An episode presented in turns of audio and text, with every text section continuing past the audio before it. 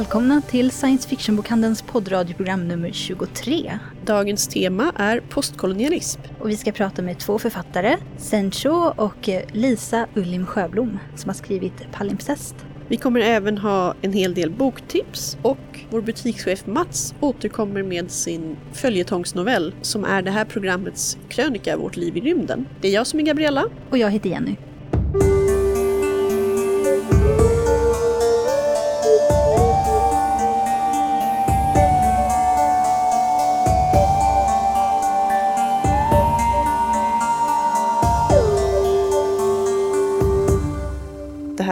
Program där vi försöker ha en postkolonialistisk syn på fantastiken, på fantasy och science fiction och så. Inte postkolonial litteratur i sig som är ett väldigt stort och brett ämne. Vad är egentligen postkolonialism?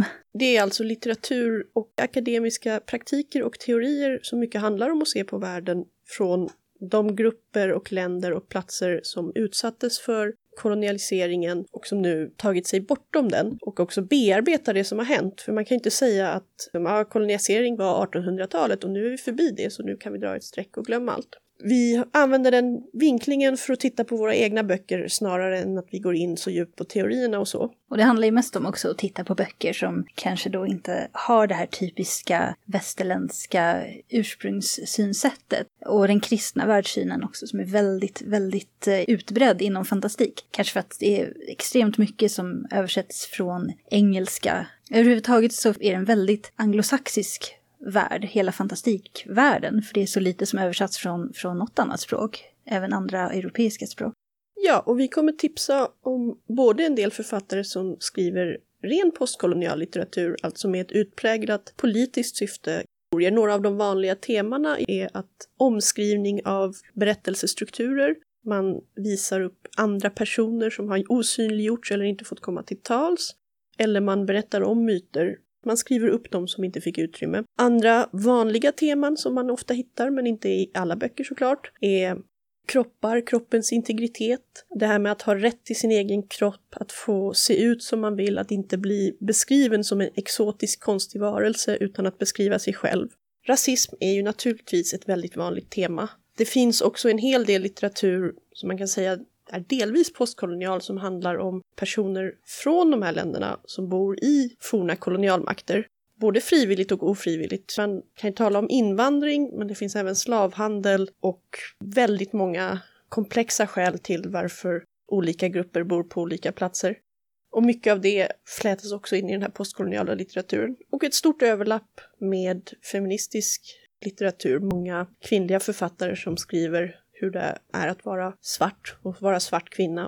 En hel del av den är ganska tung också. Det finns, ja framförallt det jag läst skulle jag vilja säga är feministisk postkolonial litteratur och våldtäkt, våld mot kvinnor och så kommer ofta upp. Men allting är inte det och jag tycker det är ett misstag att inte våga ge sig på litteratur. Man kan ju absolut, man kan fråga oss, man kan kolla på internet och så, för ibland känner man att ja, men jag vill läsa något där jag måste fundera mer, men jag vill inte att det ska vara för hemskt, för då, då mår jag bara dåligt. Ja, vad, vad har vi för någonting som man kan tänka sig falla under, under postkolonialism? Har du läst någonting som du tycker passar, som vi har? En av de stora namnen och en av de stora författarna som skriver, och hon skriver ju då med utgång från det man kallar den afrikanska diasporan i USA, det är ju Octavia Butler som är känd för bland annat Lilith's Brood, Fledgling och Kindred. Och Kindred till exempel handlar ju om tidsresor men med ett starkt fokus på slaveriet. Vi har tipsat om en del av hennes böcker tidigare och hon anses vara en av de stora klassikerna. Och precis som Ursula Le Guin så skriver hon en väldigt lätt och elegant prosa. Det är aldrig svårt att läsa hennes böcker. Jag har ju bara läst Parable of the Sower som eh, jag tyckte var riktigt spännande. Men eh, jag blev också lite förvånad över den extremt religiösa tonen i den. Jag förväntade mig inte det riktigt. Nej, det är ju en, eh, en aspekt som är i hennes författarskap just och i en del andras. Det finns eh, många författare som är troende. De kan vara muslimer, de kan vara kristna och så. Och ofta så handlar det också om hur de finner något i sin tro. Man märker det i Parable of the Sower att huvudpersonen där försöker skapa en ny religion i den här sönderfallande världen. Det är en sån här mjuk apokalyps där allt bara faller i bitar. Och att hon liksom hittar någonting i den kristna läran som hennes far predikar, men det räcker inte. Så hon försöker skapa något nytt. Det är ett väldigt amerikanskt perspektiv också. Mm. Man, man märker ju att hon är uppvuxen i USA.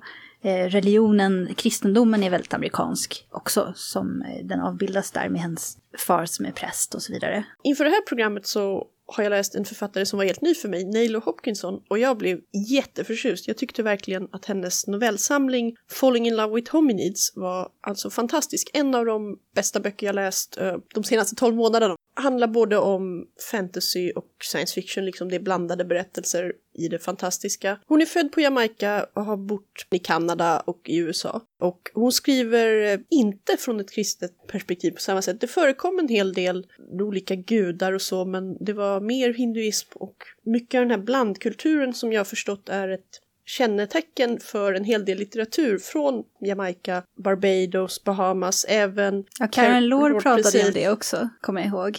I program 8 som handlar om Space Opera, där vi även intervjuar Elizabeth Beer och Alistair Reynolds. Ja, det var väldigt mycket science fiction i det. Karen Lord är en eh, science fiction-författare som också tar mycket avstamp i postkolonial litteratur och gör sen ren space opera av det. Och för att återgå till Neil Hopkinson, det här var en novellsamling och en väldigt välgjord sån. De var väldigt olika, de var olika långa. Flera av dem handlade om olika queera familjebildningar och det finns både det här, en berättelse var helt underbar med en elefant som flyger in i en tjejs balkong. Ett litet ögonblick, en väldigt kort berättelse, man får inte så mycket förklaring, men jag förstår inte, men, men hur den är skriven och känslan den förmedlar är väldigt, väldigt bra. Det är lite magisk realism över det hela också. I flera av dem. En del var mer ren SF, eller skulle jag säga ren fantasy. Även en med eldsprutande fåglar och problemen med att ha dem som husdjur. En där hon återberättar The Tempest, Shakespeares pjäs, med en karibisk twist. Och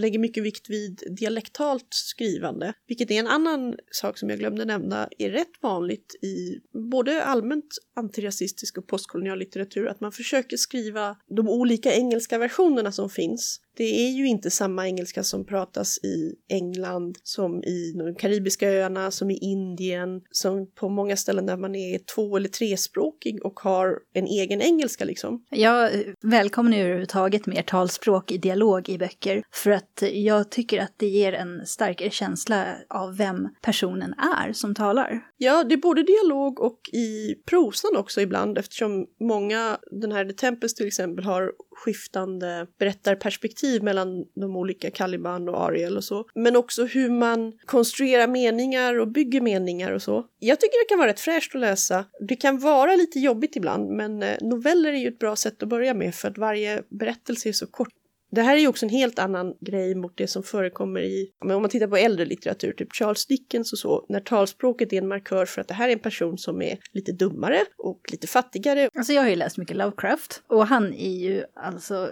ett typexempel på just detta fenomen. Och du hade läst en uh, anti-Lovecraftiansk omskrivning. Ja. En av Lovecrafts absolut mest rasistiska berättelser heter The Horror at Red Hook, som eh, går ut på då att um, delar utav New York, framförallt då delar utav Harlem, en specifik del då som heter Red Hook, håller på att gå under för det kommer så mycket invandrare dit på hemliga vägar som, som infekterar stadsdelen och gör den förvriden och de utför sina märkliga riter och beter sig på alla möjliga underliga sätt.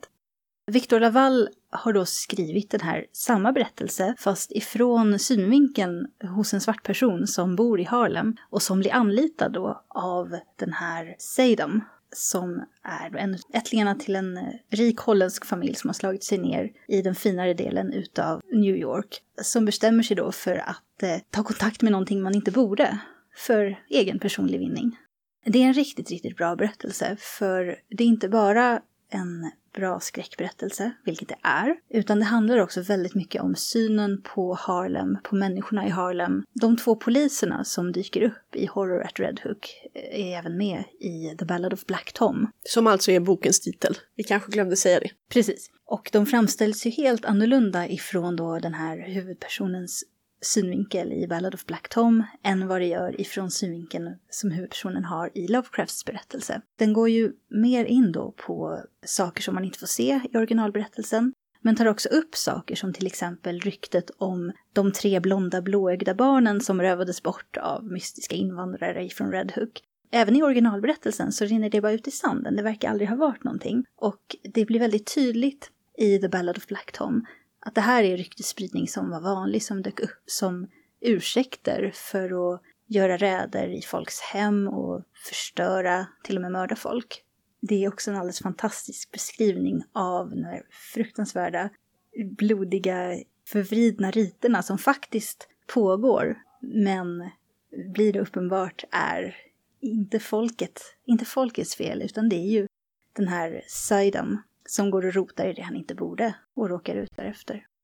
Men nu tror jag att vi har svamlat tillräckligt mycket, så nu kommer ni få lyssna på Sencho.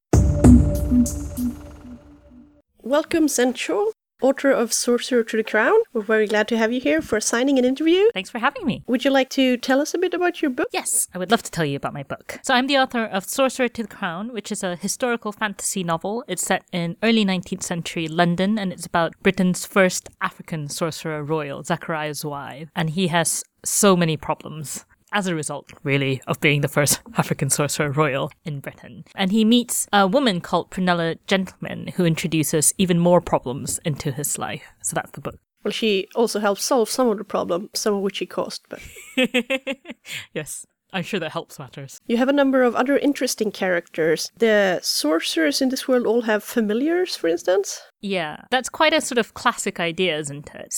A bit similar to kind of Philip Pullman's demons and, oh, I mean, the classic idea of the witch with the familiar. For many, I feel the familiars are less character, more animal-like than here. They are a creature from fairy. Yeah, they could be any kind of magical creature from fairyland, which I treat as a kind of alternate, not alternate dimension, a different dimension, another world that you can step in and out of. And uh, Britain's had sort of difficulties in its relationship with fairy. I don't know how clear this is to readers, but in, implicitly it's because of around this period of time, the early 1800s, Britain is expanding its imperial power around the world. So what's supposed to be implied is actually fairy's not very happy about that. You know, fairy likes the mortal kingdoms to kind of be in their they like the status quo and they they're threatened by this expanding power. And so what happens is magic in this world, the world of my book, it comes all of it comes from fairy. It's a kind of natural resource that flows into the mortal realm, as it were, from fairyland. And so what happens is fairyland's starting to get a bit jumpy and then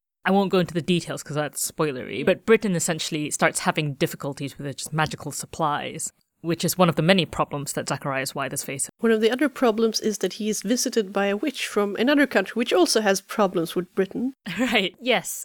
Quite early on in the book, he meets a witch called Makgungang, who is from I suppose the Malayan archipelago is what we'd call it, because I'm from Malaysia myself, but Malaysia didn't exist at that time. Just like in our real history, around that time, Britain's sort of making incursions into that area. They're, they're fine. It's sort of a nice kind of location between India and China. It's kind of the French have bases there. So Britain's starting to kind of get settled there. So, you know, kind of set up a few um, centers of power. That's just the very beginning of really the eventual colonization of the, the region, I suppose, by Western powers. It's not the beginning, sorry, but it's the beginning of British power Yes. in the Malayan kind of area. And what happens in the book is that a sultan from an island called Pulau Jandabai is trying to really kind of establish his position in an island which has some very obstreperous witches. And he tries to do that by going to Britain and say, give me some cannons. You know, I'll blow them out the water. But there's one witch, Mangungang, who's not going to take that and she's not going to accept it. So she turns up demanding to be taken to your leader. I'll tell him exactly what I think of him. Yes, well, obstructive is how witches should be. I find her one of the most charming characters in the entire book, at least from the distance of a page. Possibly not if she turned up in my living room. yes, that's right. what were your impulses? This is your debut novel, right? That's right, yeah. Although you've published short stories That's before. right, yeah. What were your impulses to writing the book? I won 50% of an award, the Crawford Award, for a short story collection um, called Spirits Abroad. And that contained stories that were published in various magazines and online journals and so on, but were collected and then published by a Malaysian press. So I'd been writing short fiction for a while, but I always wanted to write a novel. And that's because what I find interesting in a story or in fiction is really, I think, best explored in the length of a novel. It's really character and that kind of interaction, that kind of thing. So I think short stories, they're a great form, but they're perhaps not the best vehicle for really getting in depth and getting to know a character. So I wanted to write a novel and before I wrote Sorcerer to the Crown, I had a couple of test runs. I wrote actually two full length, novel length stories I call them because they didn't really work as novels because I didn't know how to write a novel, and arguably I still don't. I'm still working it out. No, Oh. it's a perfectly fine novel. But no, each time you write, you're like, oh, I've forgotten how to do this, right? so I wanted to write a novel and I wrote two and they didn't really work. So when I was casting around for the third one, I thought, oh, you know, I'll write something that's kind of a pastiche, kind of a play with the Regency romance genre because I really enjoy reading Georgette Hare novels, you know, and they're these fluffy romps, as it were, you know, set in early 19th century London. You know, you have this very measured, archaic language, people in, you know, these pretty dresses and hijinks, basically. And I thought, I'll have all of that plus magic. So the theme for this month's show is post-colonialism in fantastic fiction, or sometimes pre-colonialism. and I think one of the most interesting themes in your book is how you kind of flip the mirror at the center of colonial world to England, to London, and how you look at that. Would you like to share your thoughts on this? Yeah, I have two thoughts. Absolutely. Which is more than I usually have. so enjoy this. It is interesting at the center of uh, colonial power because, of course, that is, you know, London, especially at that time, you know, was that and is that actually. Equally, it is also a center where people, anti colonialists, gathered. People came. I, I haven't got any names off the top of my head, but people who were fighting or organizing against imperialism came to London and they met other people from the colonies there and they organized there. London, like all great cities, has that contradiction at its heart where it's, you know, it's the kind of beating heart of power, as it were, but it's also the lifeblood of the resistance, kind of a way to think of it. I think I was particularly interested in exploring ideas about imperialism, about colonialism in the context of a fluffy Regency romance because people do think of it as such an English genre and it's treated like it takes place in this bubble. And I grew up reading British literature as a kid in Malaysia. I sort of thought, oh, yes, it's just this world of kind of white people and like British people who are just kind of cordon, cordoned off from society. Because this is something people often say about Jane Austen's books, right? That, oh, you know, actually it's a very turbulent time. There were riots, wide range unemployment. It's kind of the start of the industrial era. There's the Napoleonic War, obviously. And then when you read her books, they're very clean. They're very sort of tidy. Stuff like that isn't really referred to that directly. I think she assumes that, you know, a lot of this is going on, but it's not the primary subject matter or the primary focus. So a lot of it is kind of subtext. And most of all, raise the idea of colonialism. That's not really front and center. And why would it be? And I think as somebody who grew up reading this kind of literature, what was really interesting for me when I grew up and started learning more of the context and the kind of old, uh, not alternate histories, but maybe not the standard narrative of history that you learn at school, was actually seeing how central the empire was to Britain of that time. The sugar that Jane Austen's characters take in their tea, you know, the dresses they wore, the tea itself, the fabric that used to make dresses, they're all from other territories. And the sugar, for example, was obviously from plantations that were worked by enslaved Africans, and so on and so forth. So I think um, that's what I really was interested in exploring, but like in a fun way, if that makes sense. no, I understand. There's a lot of very interesting science fiction, I think, particularly looking at these themes, but many of them can be heavy reads. yes. And they're very good reads, but sometimes you want something fluffier Yeah, I, I without ignoring the issues. It's interesting. I saw on Twitter fairly recently somebody saying, you know, I'm trying to read more BAME writers, which is um, the British term for black and minority ethnic writers. And she said, I'm so depressed now.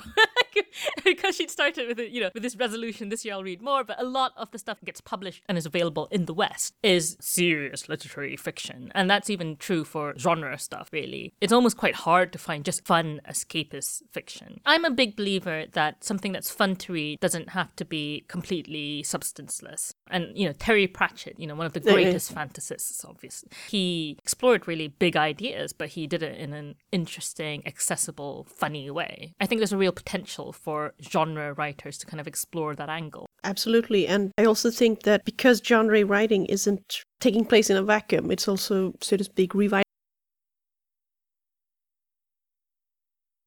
to the moon. But who's on the spaceships? Where do they come from? All of that. Right. I mean, it's interesting when you mention science fiction, particularly exploring issues like this, but being quite serious, because the perception of science fiction is that, you know, it's kind of a bit more forward looking, right? And fantasy is conservative. It's kind of people like these. There's a genre of kings Yeah. and queens and farm boys becoming kings and queens and that kind of thing. I don't think it has to be the case. I think there's a lot of potential for using fantasy to kind of push back against the kind of traditional narrative or subverting it or showing new sides to the history that you thought you knew. I think it's also a language issue because we sell a few books translated from Russian in both Swedish and into English Polish authors. And mm-hmm. already there, you get a different perspective of the mainstream fantasy tropes, what they mean, what falling empires means. That's From a. Russian perspective, Yes. it's something very different. Yeah, yeah, absolutely. So there's a lot to play with, but the best-selling Anglosphere list is fairly conservative, I feel, with the divine rights of kings and a lot of things like that. Yeah. Terry Pratchett is an exception. Yeah, you could have a whole episode on the conservatism of fantasy, couldn't you? And why does it appeal? Because that, the whole divine rights of kings type story, it does have such an ongoing appeal. And that's even though most of us live in democracies now, really. Um, yeah, it's, it's an interesting thing to think about. One of the other books taking place in this era and also using language pastiche in a similar way to you is Susanna Clarke's Jonathan Strange and Mr. Norrell, which contains characters of color and so, but in a markedly different way.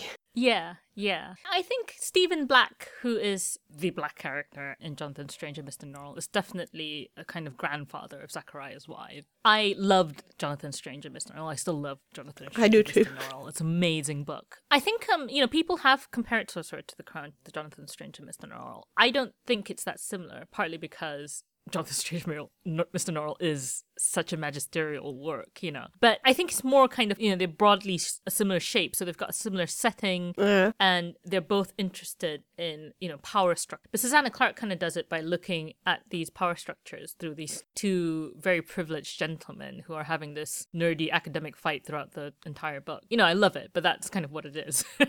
and Sorcerer to the Crown is, you know, it's kind of from a fairly different place. So I mentioned Georgette Hare as being the kind of main source of inspiration. I think any Georgette Hare fan who reads it will kind of see where the influence comes from because, uh, you know, Georgette Hare writes these like really fun books where people are running around and getting up to all sorts, you know, hijinks and like staying in inns and kind of unwillingly becoming friends and that kind of thing. And so you get a bit of that in Sorcerer to the Crown. So that's kind of more what I was drawing on than Susanna Clark's book. But it is an honor to be compared to Jonathan Strange and Mr. Norrell. But equally, you know, it's the kind of thing that people will do to your book once you've produced it. It's, it's almost kind of, well, it's nothing to do with what I was actually thinking of at the time. They try to find a really successful book and be like, oh, it's a bit like that really successful book, hoping the success will rub off. Even if it's published before, we had editions of from Diane Wynne Jones where it was like, "This is the next Harry Potter," and I'm like, Yeah, "No, yeah, no, no! Actually, Howl's Moving Castle came first. Yeah, exactly. yeah. Well, let's try capture that Harry Potter market. But one thing that's funny actually that's happened sort of the Crown, because the publishers have tried to kind of ride on the coattails of Jonathan Strange and Mr. Norrell, how successfully, I don't know. But um, I have had people say to me, Oh, I really hate this Jonathan Strange and Mr. Norrell, but I loved your book. It's always kind of an interesting reaction because you're like, I'm so glad you love the book, but also you're completely wrong about Jonathan Strange and Mr. Norrell. To me, it was also a marked contrast to Naomi Novik's Temeraire series, Yeah. which is a world travelogue with dragons during the Napoleon era, but in a much more classical, the white people go around and do things in distant corners of the world. I love the Temeraire series as well, and um, you're right. And it's because in the same way that, say, Sorcerer to the Crown is a little grandchild of Georgette Hare, Temeraire is kind of a grandchild of the Patrick O'Brien Yeah. series, right? The Aubrey Maturin series. Again, something I really love. And the Aubrey Maturin series is all about these like two white guys going around and having adventures. I mean, it's a great series. I love it. I can throw no stones since I'm a big Jules Verne fan. a Uh, big Jules? Verne, Oh yeah, yeah. with 20,000 Leagues Under the Sea, was like formative reading for me, and I still love it. Well, I don't think there's anything wrong with loving something like that. I do feel there's a bit of a space, you know, there's a kind of niche to be filled, I guess, where I can definitely see the appeal of that kind of work. It does get interesting when you start to pull different viewpoint characters into, you kind of turn the mirror back, as it were, rather than the Western world looking at the rest of us. It's kind of like the rest of us looking at you, that kind of thing.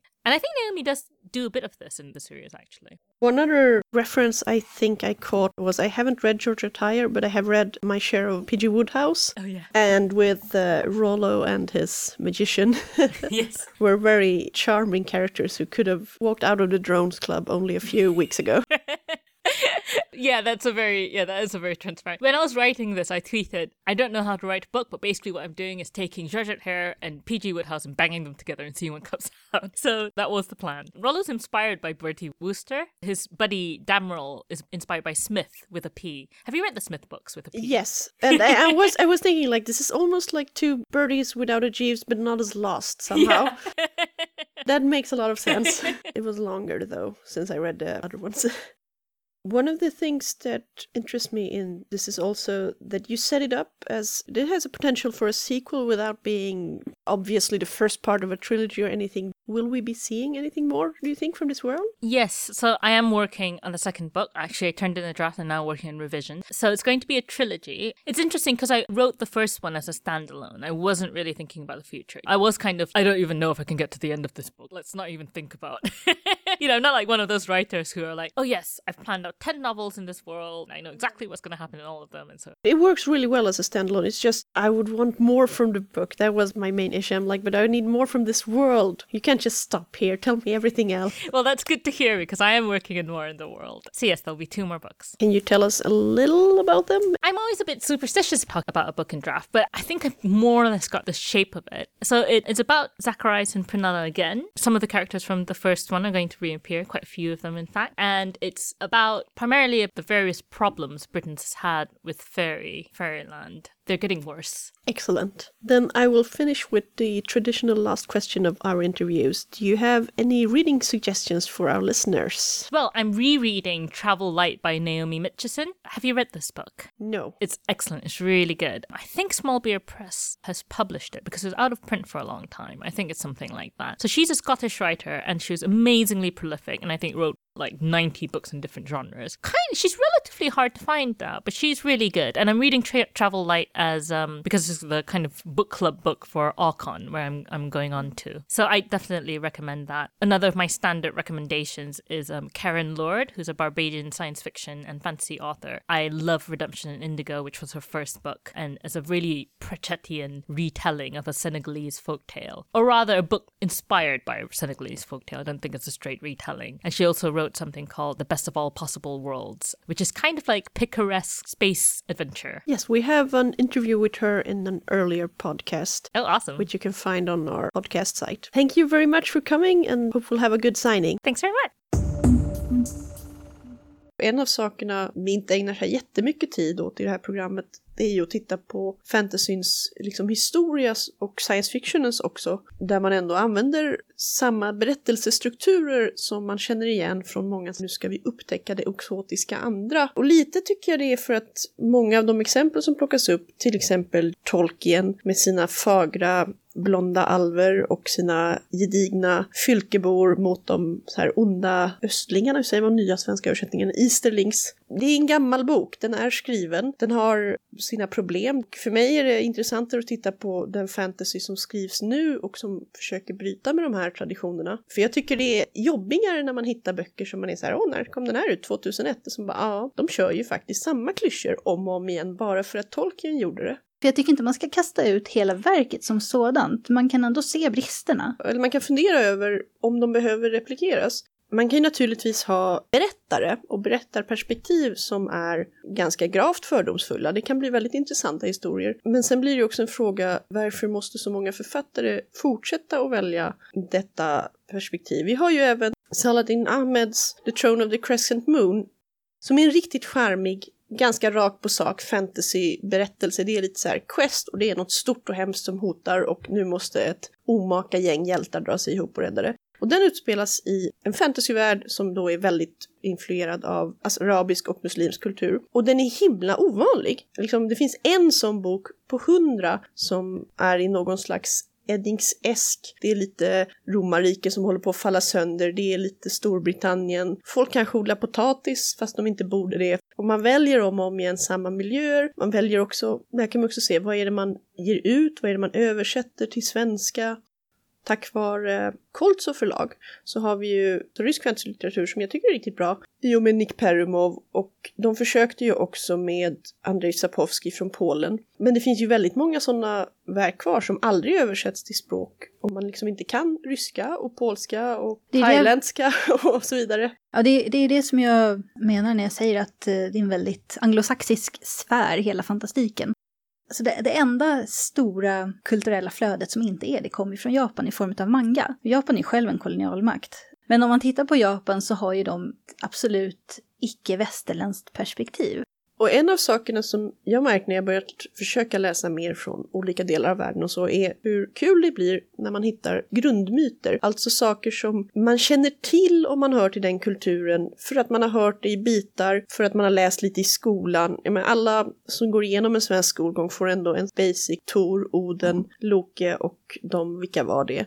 Vi plockar även upp väldigt många kristna referenser, Grekis. ofta utan att veta vad det är för någonting kanske. Man förstår inte att dualismen med att det finns något ljust och gott och det finns något mörkt och ont och att världen har, kommer från en så här, ett paradisiskt tillstånd och faller ner i ett mörker. Det är väldigt genomgående, extremt mycket fantasy ja. från den västerländska världen, det ja. har nog märkt. Och det är också något som har upprepats i och med eh, Roms fall som för många liksom, historiker i hundratals år i Europa var så här, men romartiden, då var allt så fantastiskt och fint och sen blev det bara sämre. Jag hade ett väldigt intressant samtal om det med Anders Björkelid. Jag pratade ju med honom för rätt så länge sedan i programmet som handlade om barn och ungdomsfantasy, program nummer sju. Men jag rekommenderar att lyssna på den intervjun för han hade väldigt mycket intressant att säga om det och om fantastik i allmänhet. En av de stora grundmyterna i hela Sydostasien, alltså Kina, Japan, Indonesien, Thailand och även in i Indien är ju resan till väster. Och har man läst den så författar man plötsligt en miljard hänvisningar som dyker upp i manga. Och även i väldigt mycket sydostasiatisk fantasy. Mycket av det jag läst i de här novellsamlingarna, The Apex Book of World SF, som kommer ut en gång om året och samlar fantasy och science fiction-noveller från hela världen. Om de kommer från Sydostasien är det relativt vanligt att de innehåller det. Det handlar om en munk som reser från Kina till Indien för att hämta heliga buddhistiska texter. Och det här var ju resor som gjordes i verkligheten. Det här är man säga, den mytologiska versionen av hur tron kom till de här länderna. Och, eh, den är från 1592 och jag skulle säga att den är fortfarande väldigt, väldigt läsvärd. Han munken är ju nu inte så här en jätterolig figur, men den alla älskar och kommer ihåg och den som väldigt mycket fantastik baserar sig på är Son Goku eller Shun Wukong. Det finns ganska många uttal apkungen, som också kallas kung Markat. Det beror på vilket land och vilket språk man pratar. Men eh, om, man läs, om man har läst den så förstår man ju plötsligt eh, en eh, fruktansvärt mängd hänvisningar som manga gör.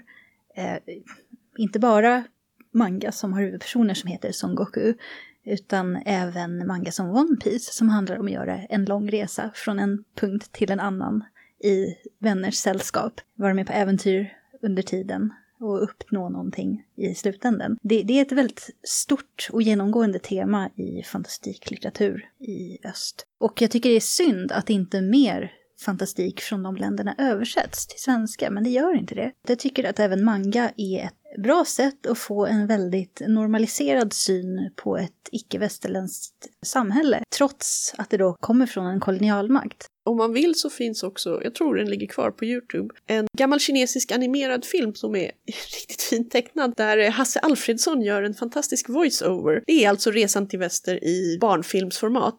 Sun Wukong till sist då, när han har genomgått alla sina prövningar och stått ut med den här munken och han och hans vänner, de, de syndar ju om och om igen. Det är det som är roligt, att han är en sån här tricksterfigur och han straffas då för han har ställt till så mycket rabalder i himlen. Att nu måste du skydda den här mannen och han eh, får makten att eh, straffa honom med ett pannband. Men till sist blir han en great sage equal to heaven, säger man på engelska. Jag kan inte den svenska titeln. Nej, den japanska är Satan Taisei. Det är det det en betyder. St en stor vise som är jämlike med himmelen. Han har en stav som växer och som sagt när munken kan befalla honom med ett ord. Det här är ju saker som både har dykt upp i Inuyasha av Rumiko Takahashi, i Dragon Ball. Ja, inte minst eh, Sayuki som ja. alltså är resan till väster i, i eh, modern fantasy-tappning av Kazuya Minekura. Star Singer för alla som såg den som barn. Det är ju eh, resan till väster i rymden i stort sett har, har alla samma namn fast de har bytt plats på stavelserna. Så Goku heter nu Kugo.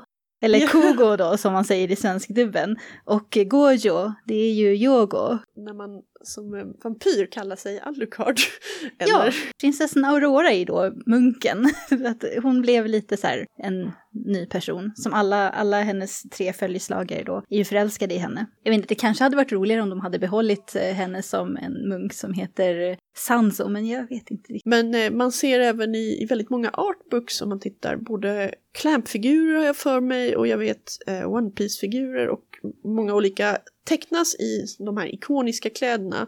Shunwo Kung har ofta ett tigerskinn som höftskynke, i alla fall i Japan. Han har en del ansiktsmålning. Framförallt så har, har han ju den här, det här pan-diademet Ja. som förhindrar honom att, göra vissa saker. I Star Singer så har ju prinsessan Aurora makten att eh, ge Kugo då en outhärdliga smärtor om man gör någonting som man inte borde. Det finns också en hel del tv-serier, filmatiseringar. Om man är lite det minsta intresserad av att kunna öppna upp eh, Sydostasiens litteratur så är det väldigt lätt att ta till sig ja, en film eller läsa någon av dem. Det finns flera klassiska nerkortade utgåvor på både svenska och engelska som är helt okej översatta. Man förstår så mycket referenser och så många skämt blir roligare. Det gäller ju överhuvudtaget buddhismen, om man vet lite grann om buddhismen och buddhistisk mytologi, alla deras eh, olika typer av heliga och oheliga varelser som kan dyka upp. Så många symboler som man inte känner igen om man inte har vuxit upp med det. Där tycker jag att det kan vara lite svårare att hitta såna här lätta ingångar.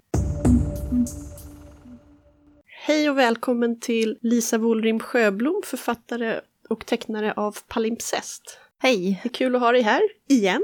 Du har ju varit med oss på bokhandeln förut. Ja, precis. Det är jättetrevligt att vara här igen också. Vill du berätta om ditt eh, alldeles jättefärska seriealbum när det här spelas in? Ja, det är väldigt färskt. Jag fick det i handen för två dagar sedan och det har fortfarande inte kommit ut i handen än, så det, det känns väldigt speciellt att se den. Det har ju varit ett arbete som har tagit mig ja, men nästan nio år. Två år i aktivt arbete med den, men nio år i att eh, bearbeta manus och känslor och tankar och hur jag ska strukturera historien och vad är det jag ska berätta. Men eh, Palimpsest är, eh, om, man, om jag sammanfattar det väldigt kort, så är det berättelsen om mitt röttersök. Jag är då adopterad från Korea eh, och jag har sökt efter mina eh, koreanska föräldrar i två omgångar. Eh, och den här handlar då framförallt om mitt andra röttersök eftersom det första då Eh, som man förstår inte ledde till någonting. Och i och med det här röttersöket så upptäcker jag att jag har förfalskade bakgrundspapper och att det är en del saker som är fuffens med min adoption. Och jag kommer också över eller liksom får också insikten att min adoptionsbyrå i Korea har eh, medvetet manipulerat mina papper och ljugit om en massa saker. Och det öppnar upp för, för att jag då börjar göra väldigt mycket research om, om det här. Om, om andras röttersök, om andra adoptioner och så vidare. Och liksom den här världen av en värld av korruption och oetiska adoptioner och, och ja, men massa problem inom adoptionsvärlden liksom bara väller in. Eh, och det blir väldigt chockartat för mig. Så att vid sidan om en berättelse om mitt då faktiska röttersök så är det också en berättelse om en person som ja, men kanske inte har så här jättemycket koll på hur det funkar med adoption och adoptionsvärlden som sen blir kritisk, blir aktivist. Så så skulle jag kort och gott sammanfatta min bok. Det låter väldigt spännande och jag gillar din kontrast. Jag har sett eh, dina illustrationer förut. Vi hade dem hängande i butiken en gång Ja, till just det. exempel. Med, Mina monster. ja, Ja, och du har en väldigt fin, inte barnslig stil, men så här avskalad på ett enkelt och lite Mm. gulligare sätt kanske än många av de svenska serier som Ja. kan vara rätt krafsigt och, och hårt tecknade. mm. ja Eh, men barnslig är absolut, så blir det beskrivet av andra också. Eller naivt brukar Ja, man säga. Och det, det kan jag relatera till, absolut. Men samtidigt är ju innehållet väldigt tungt och också Mm. politiskt kontroversiellt på många sätt. Ja, Och nu när vi spelar in det här så är det precis då innan den officiella releasen på seriefestivalen i Stockholm. Det kommer ju sändas senare. Vill du berätta lite varför du valde den här tecknarstilen? Ja, alltså jag kommer ju från, vad ska man säga, jag har en bakgrund som, som illustratör av just barnböcker och läromedel för barn. Och det, jag hade väl kanske en tanke när jag började teckna att jag ville göra så här jättepretentiös, svår konceptuell konst. Men det, det har inte passat mig överhuvudtaget. För att det slutade hela tiden med att jag ritade gulliga djur. Och sen så blev det till ett lite större projekt som jag gjort tillsammans med min sambo. Som heter Tales from the Burrow. Som också sålts här i bokhandeln faktiskt i form av ett, eh, ett eh, fanzin. Eh, och så upptäckte jag att det är jätteroligt att rita för barn och berätta för barn. Eh, men det var helt avpolitiserat och det var liksom fokus på att det skulle vara gulligt, roligt och lite nonsensaktigt. Eh, men sen har jag liksom tagit med mig den stilen för att alltså jag, jag har inte så här, eh, jag är inte jättebra på att variera min stil, får man väl säga. Och när jag började rita palimpsest så hade jag i princip aldrig ritat människor heller, så det har varit en jättestor utmaning att inte göra dem till djur i ett första skede så var de faktiskt kaniner, men då tänkte jag alla kommer säga jaha, tänkte du på Maus när du gjorde det här? Och jag ville liksom inte hamna i den, i ännu ett av de seriealbum som ritar om politiska tunga ämnen, men använder sig av djur. Så jag fick lära mig att rita människor, men de blir ju väldigt gulliga och väldigt barnsliga. De har ju liksom barnproportioner till exempel i kroppen, så ganska stora runda huvuden och så. Men jag tror att det funkar ganska bra eh, med, eh, med det här tunga ämnet. Att det blir en bra kontrast som faktiskt kan eh, förstärka det jag försöker berätta. Ja, och det, det har ju sin grund också i din, i din barndom och i det här sökandet efter en barndom som mm. ljögs bort från dig. Mm. Du har fått rätt mycket uppmärksamhet för den här redan innan den såg har jag sett på olika artiklar och, och intervjuer mm. och så. Eh, hoppas du att den kan bli ett inlägg i debatten så att säga? Mm. Absolut, det hoppas jag. Eh, och jag har väl förberett mig mentalt på det också. Eh, för den är ju, jag tror att den är ganska unik, inte bara för att det är det första seriealbumet i Sverige som, som handlar om adoption, men också att det är ett väldigt kritiskt inslag i debatten. Och det finns lite sånt, men inte så mycket inom fiktion. Och Ehm, jag kan ju flagga för en dansk poet som precis har kommit ut i svensk översättning som heter Maeli Langvall som har skrivit en lång, lång dikt som heter Hon är arg. Som mm, jag kommer inte ihåg exakt när den släpptes, men det var inte länge sedan den kom ut på svenska. Eh, så det känns väldigt fint att, att komma ut i det sällskapet, att vi är liksom några, några till som kommer ut eh, och som eh, vågar berätta en annan berättelse om adoption än den som tidigare har har funnits. Eh, och jag tror att för att vi båda kommer ut ungefär samtidigt och hon har ju liksom redan blivit recenserad och på något sätt startat debatten kring just eh, litterära skildringar av adoptionskritik så följer jag fint med i det.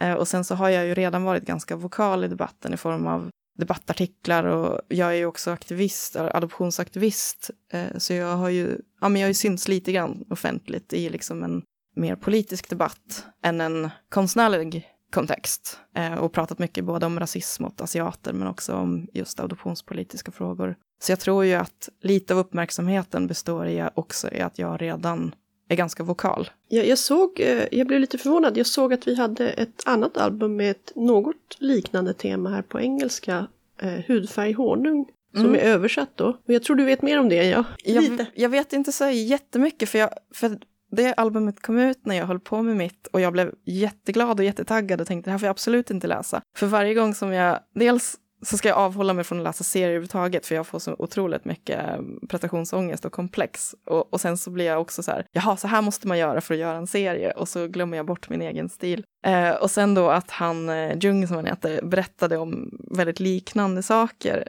var så här, jag får verkligen inte läsa det här, för om vi överlappar varandra så vill jag inte att någon ska tro att jag har stulit hans idéer. Nej, nej. Eh, och så. Men han är en belgisk serietecknare eh, och eh, albumet ehm, Eh, är skrivet på franska, men kom faktiskt ut i Sverige först i form av en animerad film. Ja. Men då under ett helt annat namn som är Jag och mina två mammor. Det kan ju i och för sig eh, handla om adoption, men det låter mer som om det handlar om eh, uppväxten med lesbiska föräldrar till exempel. Ja, ja men jag tycker, det, jag tycker det är ganska symptomatiskt för debatten, eller brist på debatt, att den fick en helt annan titel. För att eh, den heter ju då Hudfärg honung på franska och nu har den ju då tack och lov översatts till det i den svenska serieutgåvan. Men det är lite tabu att prata om hudfärg och så här fortfarande. Så att det kändes som att det var väldigt strategiskt att byta namn på den till någonting mer, lite mildare och mer avväpnande. Trots att det inte riktigt är troget innehållet i berättelsen. Men hans, vad jag vet om hans berättelse är att den är mycket mer personlig och inåtriktad än vad min är. Jag tar förvisso avstamp i biografiska och självbiografiska upplevelser, men min, mitt enda mål är ändå att föra fram en strukturell kritik mot adoptionsindustrin och inte så mycket berätta om så här kan det vara att vara adopterad. Så att mitt röttersök är liksom bara en plattform, men sen så är det politik som jag pratar om framförallt. Jag förstår. Jag ser fram emot att läsa din serie och tack så hemskt mycket. Lycka till med Tack. releasen. Så vad tyckte du om palimpsest? Framförallt så var det väldigt överraskande för mig som i stort sett inte vet någonting om adoptioner. Det har aldrig liksom riktigt funnits i min världsbild. Jag tror tyvärr att det här är en debatt. De pratar ju om att det här är ett inlägg i debatten, vilket det absolut är och kommer bli. Men att den här debatten kanske är lite dold för stora delar av samhället. Jag tyckte att framförallt bitarna om hur många lögner hon blev itutad var ganska förskräcklig. Ja, jag tycker att hennes teckningsstil, hennes sätt att berätta gjorde att det blev lättare att ta till sig. Jag har läst en del om det, men det blir lätt ganska tunga debattartiklar. Det öppnade upp ett svårt tema på ett väldigt tillgängligt sätt. Absolut. Jag tycker hon har en alldeles fantastiskt fin tecknarstil. Och sen måste jag be så mycket om ursäkt för att jag frågade henne nämligen innan vår intervju om hur jag skulle uttala hennes namn och då förklarade hon för mig att hon lärde sig själv detta endast när hon åkte till Korea. Och så skulle jag fråga henne om det och det glömde jag bort för att jag är lite förvirrad person. Och nu har ju jag bara läst namnet som, som står i boken då, att ska uttalas Ullim. Och det är ju säkert också ganska fel eftersom jag uttalar det med min svenska accent. Det är ganska skärande att tänka sig att man inte vet hur man uttalar sitt eget namn för att man aldrig fick tillgång till den informationen. Ja, hon skriver ju det att eh, idag med internet som resurs så kan man ju få reda på så mycket som hon inte hade när hon var barn och som hon hade önskat att hon hade haft. Från Korea så rör vi oss ner till Taiwan. Ibland sneglar jag på böcker här i bokhandeln för jag har alltid en enorm läshög som håller på och dränker mig. Och så tänker jag, men den här kan jag inte köpa fast den är fin och ser lite intressant ut för jag har ju så mycket att läsa. Och sen kom den här podden och jag bara, men nu, nu har jag minsann en ursäkt att köpa The Man with the Compound Eyes som är skriven av den taiwanesiska författaren Wu Mingyi. Hur den är skriven påminner den mig mest om Haruki Murakami, kanske också David Mitchell, han som skrev Cloud Atlas bland annat. Väldigt fin, väldigt elegant prosa. Eloge till den översättaren också. Det var behaglig läsning på alla sätt. Det är en slags magisk realism, eko, science fiction-berättelse. Den tar upp väldigt mycket mer än jag trodde när jag bara tittade på boken. Om de olika minoriteterna på Taiwan. För mig ett helt okänt kapitel. Men det var inte alls svårt att följa med i boken om vad som hände. Det är en ganska sorglig berättelse fast på ett fint sätt.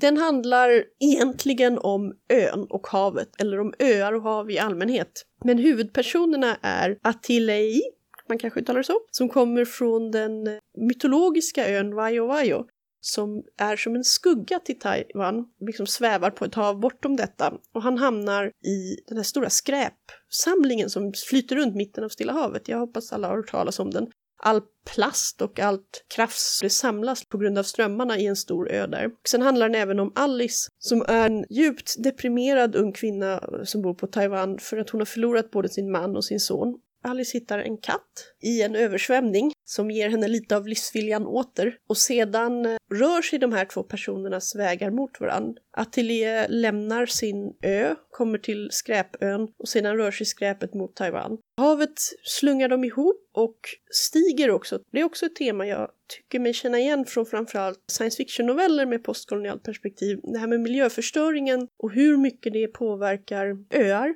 Stigande havsnivåer är ju förödande för många lägre Stilla havsöar till exempel. Och ökad torka och hur det liksom förstör det traditionella livet för olika grupper. Det är en ganska långsam bok, väldigt trevligt att läsa varje sida och slutet överraskade mig stort. Jag mötte någonting i den här boken jag inte hade förväntat mig, men jag var väldigt glad att jag mötte det.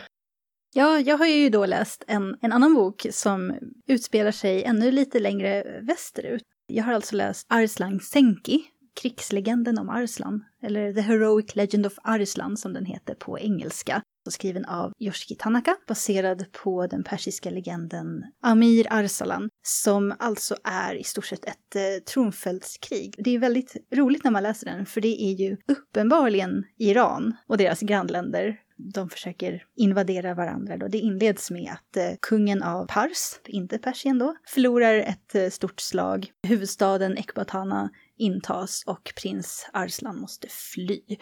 Och det handlar då om hur han försöker återta makten med hjälp av sina följeslagare. Det här är alltså ett långt epos och jag har bara läst första boken. Den är extremt spännande och den har ett väldigt intressant perspektiv eftersom det är en persisk legend tolkad av en japan. Kan man kanske nämna, finns inte översatt till engelska som roman. Nej, den finns eh, däremot som en lite äldre anime och en nyare anime och och eh, framförallt manga då, som är gjord av eh, Hiromi Arakawa som dessutom har gjort Fullmetal Alchemist som jag tror att väldigt många som läser manga känner till. Bra, jag har inte läst mangan Jag har läst tre volymer av mangan hittills och jag tycker också den är bra. Det krävs viss tillvänjning innan man kan sluta se Edward Elric i huvudpersonen. Det är det som har stoppat mig lite. Jag, jag håller mig nog till romanen än så länge. En bok som eh, har översatts från japanska och som inte alls är postkolonial utan tvärtom handlar om rymdimperier, det är The Legend of Galactic Heroes. Som är skriven av samma författare. En av de stora klassiska rymdoperorna från Japan. Jag lyssnade på en helt annan podcast där de bland annat nämnde denna och där jag tyckte det var väldigt intressant hur perspektiven är. Legend of Galactic Heroes handlar om det stora rymdimperiet där alla har tyskklingande namn. Huvudpersonen heter von Lohengrin och sådär. Och de slåss då mot alliansen av fria planeter som en gång tillhörde det här imperiet men har brutit sig fri och försöker ha demokrati men krigets tryck gör att idealen ibland får svikta för praktikaliteterna. Huvudpersonen på den sidan heter Yang Wenli. När jag lyssnade på den podden så diskuterade de bland annat hur det är så uppenbart att Reinhard von Lohengram är den tyske kejsaren och att det här är ju Preussen och tysk expansionism och kanske lite om nazisterna. Och jag var såhär, nej, den stora kolonialmakten i Asien som tog sina uniformer från preussiska imperiet och som slogs mot personer med kinesiska namn var ju naturligtvis Japan. Det är inte så att det är kommunister mot eh, japanska imperiet, men man kan ändå se mönstren som kanske ligger dolt om man inte har tänkt på historien. I övrigt så tycker jag boken är ganska bra, lite torr. Tyvärr är den översättningen inte så jättebra. När det gäller romaner så tycker jag inte att översättningen av japansk fantastik är så himla bra. Men det är en ganska intressant historia. Han berättar verkligen så här galaxens historia från början och så framåt. Men man kan även ge sig på den som anime och man läser kanske inte den här typen av militärrymdopera med män som har massa strategisamtal för den fantastiska prosan. En bok jag läst som däremot hade riktigt mycket driv i berättandet och som också hänger ihop mycket mer med vårt tema idag är Nedi Okorafors The Book of Phoenix. Vi har tagit upp flera av hennes titlar förut. Hon är ju en nigeriansk-amerikansk författare. The Book of Phoenix är en prequel till hennes Who Fears Death som var en väldigt bra och väldigt grym och tung historia. Det är därför jag har väntat lite med att läsa den. Men uh, The Book of Phoenix förvånade mig i att den inte var lika tung i det som händer med personerna. Hon skriver väldigt snabbt tillgängliga romanfigurer som till exempel Stephen King gör att man på korta sidor så bryr man sig väldigt mycket om de här personerna och då tycker jag att det kan bli jobbigt att läsa om hemska saker som händer med dem. I The Book of Phoenix så möter vi Phoenix som är ett experiment. Hon är född och uppvuxen i Tower 7. Vår värld har försvunnit, New York är översvämmat, staterna verkar kanske ha fallit sönder delvis, men det är ändå inte en apokalyptisk värld. Hon är bara två år gammal, men ser ut att vara 40, hon är en accelererad människa. Och det som beskrivs, det som händer med henne där, det är ju fruktansvärt. Hon utsätts för mänskliga experiment, hon bränns, hon sticks. Och det är inte bara hon, det är många andra som lider. Och här känner man verkligen hur Okorafor också som författare brinner av ilska över det som har gjorts med personer från Afrika, över det som skett med både medicinsk forskning och av ren invilja. Hon tar upp ett exempel där också med en kvinna vars cancerceller används för stamcellsforskning utan henne eller hennes familj vidare medgivande. Phoenix är god vän med och kär i Said som är ett annat experiment där och när Said dör så påbörjas en räcka händelser där hon bland annat bryter sig ut, upptäcker varifrån hennes namn kommer. Till skillnad mot den Fenix som finns i X-Men-serierna så tar hon kontroll över sin ilska och använder den väldigt riktat mot de som har förtryckt henne. Hon inleder det som leder till den världen som vi möter sedan i Who Fears Death. Peter Englund har två öron. Med dem kan han enbart uppfatta ljudvågor i luft i frekvensområdet mellan 20 Hz och 20 000 Hz. Jämför andra biologiska varelser, till exempel hans hund, som kan höra upp till 40 000 Hz. Hörseln den utgår från känselceller i Peters öra i hörselsnäckan som skickar signaler till hjärnan via hörselnerven. Vi på labbet beslutade oss för att låta ytterörat sitta kvar och skapade istället ett elektroniskt inneröra som vi kopplade direkt på hörselnerven via vanligt bioimplantat. Ljudvågorna går då direkt till nervcellerna utan att behöva ta omvägen genom örat. Englunds ögon var som alla andras ögon på den tiden sfäriska och fyllda med en genomskinlig gelésubstans med en lins som fokuserade ljuset. Signaler skickades till hjärnan via en synnerv. Vi ersatte dem med artificiella ögon och såg till att han även kunde se i det infraröda och ultravioletta elektromagnetiska spektrat. Luktsinnet. Vi utrustade Englund med en elektronisk näsa. E-näsan är så vilken näsa som helst och fångar in luktpartiklar och omvandlar dem till molekyler som skickas direkt till hjärnan i form av elektriska impulser. Skillnaden är att Englund nu har samma doftområde som till exempel det mytologiska tryffelsvinet. Nu släpper vi ut Englund i laboratoriet och ber honom gå en kort promenad.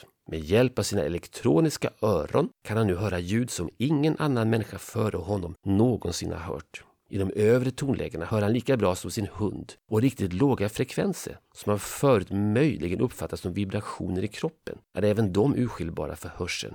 Men vad är det då han hör? Han hör stolta broar som vibrerande spänner över vida vatten Mäktiga motorers mekaniska musik, ljudet från höga hus som bekymmerslöst sträcker sig mot himlen och susar i vinden och långt ner i underjorden ett muller av järn och mummel från människor som färdas på väg någonstans till någon annanstans. Nya stämmer och instrument har tillkommit i livets musik. Och människans syn var under Englunds samtid begränsad till ljusvågor i regnbågens färgspektra. På ena sidan regnbågen låg osynliga infraröda vågor. På andra sidan osynliga ultravioletta. Insekter däremot och fiskar och fåglar använder vid behov ultravioletta ljusvågor i den nisch som evolutionen skapat åt dem. Vi föreställer oss nu att Englund på nytt befinner sig i en skogsdunge. Han ska strax, som den första människan någonsin, lämna evolutionens begränsade synfält bakom sig och slå upp sina nya elektroniska ögon. Vad är det då han ser? En liljekonvalje. Men inte som man såg den förut, utan som ett litet bi på jakt efter nektar. Liljekonvaljen är mycket listig, precis som alla blommor, och har under årtusenden gjort om sig för att locka förbiflygande bin att fälla in vingarna och landa, låta sig väl smaka av den magiska honungsdrycken i sitt innersta. Blommans till synes anspråkslösa gröna blad är i själva verket översållade med äggande, märkvärdiga skulpturala mönster som enbart biet förutsett. Englund lyfter blicken och ser ut över skogsduggen. En ny värld öppnar sig. Han tillbringar hela dagen med att se. Det blir kväll och mörkret faller. Bortsett från att allt inte är mörkt längre. Nu kan han se värme, se djurens kroppar där de tassar genom natten, sina egna fotspår där han vandrat fram och tillbaka under dagen. Mörkret vibrerar av olika, aldrig förr skådade färger. Till slut somnar Englund, utmattad av alla nya sinnesintryck. Där bryter vi för den här gången. Fortsättningen på labbrapporten och vad som händer när Peter Englund upplever världen med sina nya sinnen kommer i nästa avsnitt av Vårt liv i rymden. Och det var allt för den här gången. Nästa gång ska vi prata om Harry Potter i och med släppet av The Cursed Child den 31 juli. Och om det är någonting ni tycker att vi har missat, eller en bok eller film eller så vi bör lägga till, så tar vi jättegärna emot feedback på det här programmet och alla andra. Det är bara att skicka ett e-postmeddelande eller prata med oss på Facebook.